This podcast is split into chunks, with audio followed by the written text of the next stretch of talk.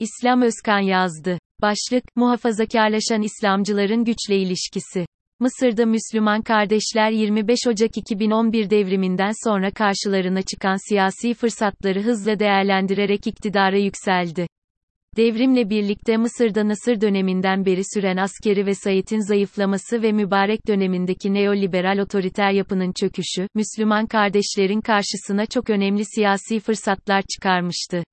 Müslüman kardeşler, hem Cumhurbaşkanlığı seçimlerini kazanarak Mısır tarihinde ilk kez bir Cumhurbaşkanı çıkarmış oldu hem de parlamentodaki çoğunluğu müttefik olduğu diğer siyasi partilerle birlikte elde etti. Bu aslında Mısır toplumunu ve Müslüman kardeşleri tanıyanlar açısından şaşırtıcı değildi. Zira Müslüman kardeşler sadece dini ya da siyasi bir hareket olmayıp sahip olduğu sosyal, insani ve kültürel kurumlarla toplumun kılcal damarlarına nüfuz etmiş köklü bir hareketti. Görünürde her zaman illegal olan ihvan, genelde devletle ilişkilerinde dalgalanmalar yaşasa da Nasır dönemi hariç her zaman devletle ve liderlerle doğrudan ilişkisi olmuş, ülke politikalarında hesaba katılan bir unsur olmuştu. Resmi olarak tanınmamasına rağmen parlamentoda farklı isimler altında temsil ediliyor ve devlet adamları ve liderler önemli günlerde hareketin liderlerine tebrik gönderiyordu. 2011, 25 Ocak devrimine gelindiğinde ülkedeki örgütlü yapılar olarak Müslüman Kardeşler, Ordu ve Hüsnü Mübarek'in Ulusal Demokrat Partisi kalmıştı. Mısır toplumsal yapısının en sorunlu yanlarından biri de yeterince örgütlenememesi ve halk nezdinde mutbır köklü siyasi partilerin bulunmamasıydı. Sosyal medya üzerinden örgütlenmiş olmaları nedeniyle kolaylıkla bertaraf edilebilecek seküler devrimci grupların dağınık bir yapı arz etmesi nedeniyle devrimden sonra gemiye kaptanlık edecek yapının bu üç seçenek dışına çıkma şansı yoktu. Zaten silahlı kuvvetlerin alttan alta izlediği politikalar nedeniyle devrimci gruplar içerisindeki ilk bölünme Müslüman kardeşlerle diğer seküler gruplar arasında yaşanmıştı.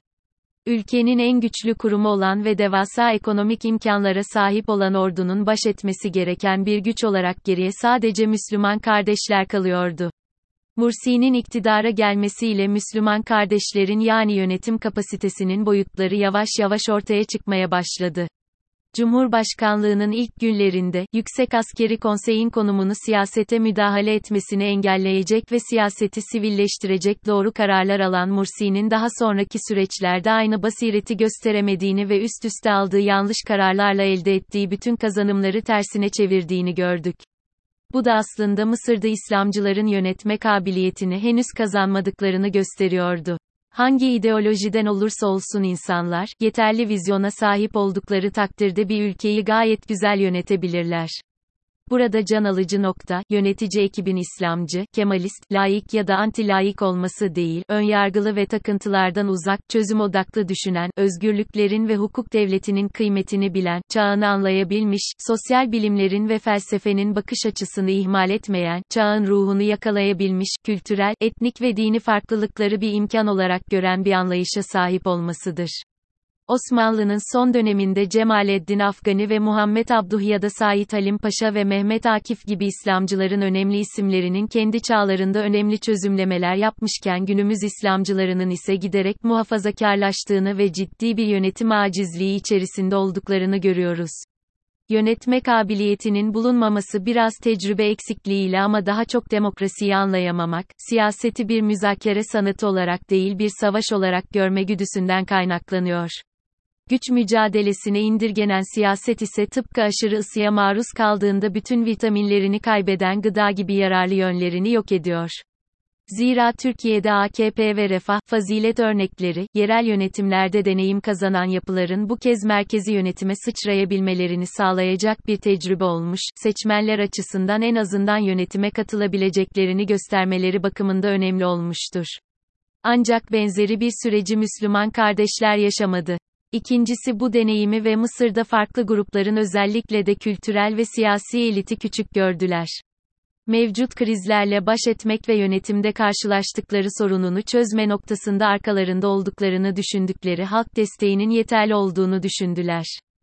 Nokta. Rabia katliamından hemen önce yapılan röportajlar, sadece elitleri değil ordunun kendilerinin arkalarında olduğunu düşündüklerini ve diğer yapıları küçümsediklerini gösteriyor. Ancak tüm bunların kökenini oluşturan bir başka ana neden de az önce dile getirdiğimiz demokrasiye bakıştaki tutarsızlıkla ilgili.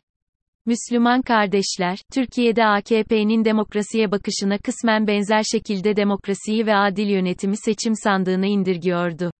Güçler ayrılığı, hukukun üstünlüğü, çoğulculuk prensibi, azınlık hakları alanı gibi alanlarda yaşanan ihlaller, kendisine oy vermeyenlerin de hakları olduğu, hukukun prensipleri, yargı bağımsızlığı vesaire gibi gerçekleri unutulmuş görünüyordu.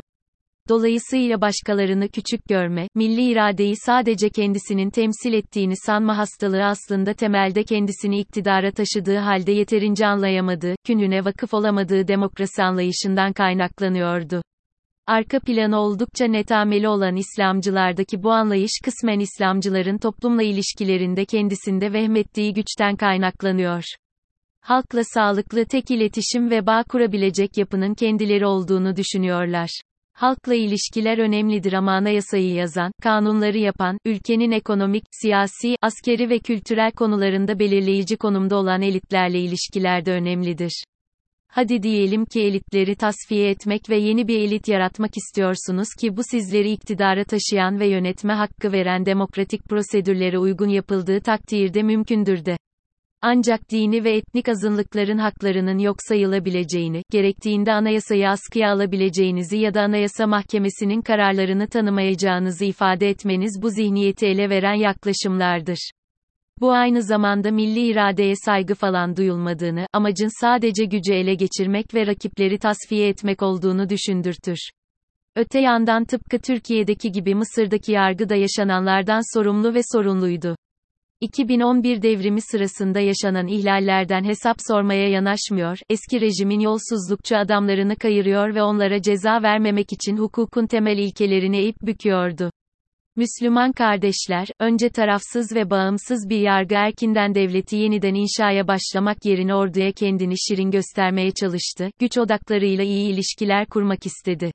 Halbuki devrimi yapan milliyetçi, liberal, Marksist diğer bütün seküler gruplarla ortak hareket etse ve askerle iş tutmaya kalkmasaydı, durum farklı olacak, ülkede farklı eğilimlerin iktidarı birbiriyle paylaştığı demokratik bir ortam için gerekli koşullar oluşmaya başlayacaktı belki.